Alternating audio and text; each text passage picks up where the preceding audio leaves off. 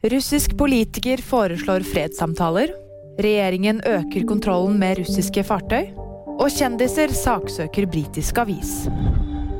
Moskvas kanskje viktigste kvinnelige politiker og støttespiller til Putin foreslår fredssamtaler.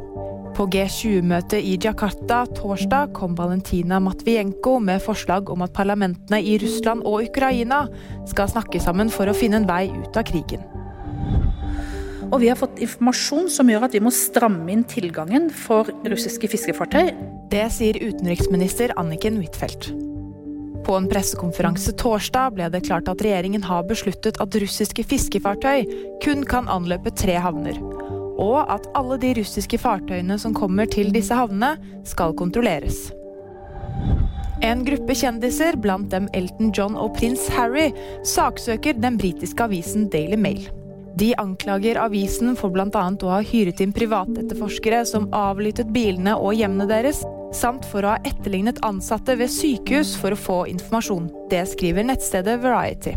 Associated Newspapers, som er utgiver av Daily Mail, avviser anklagene. VG nyheter fikk det av meg, Fride Rive Lie.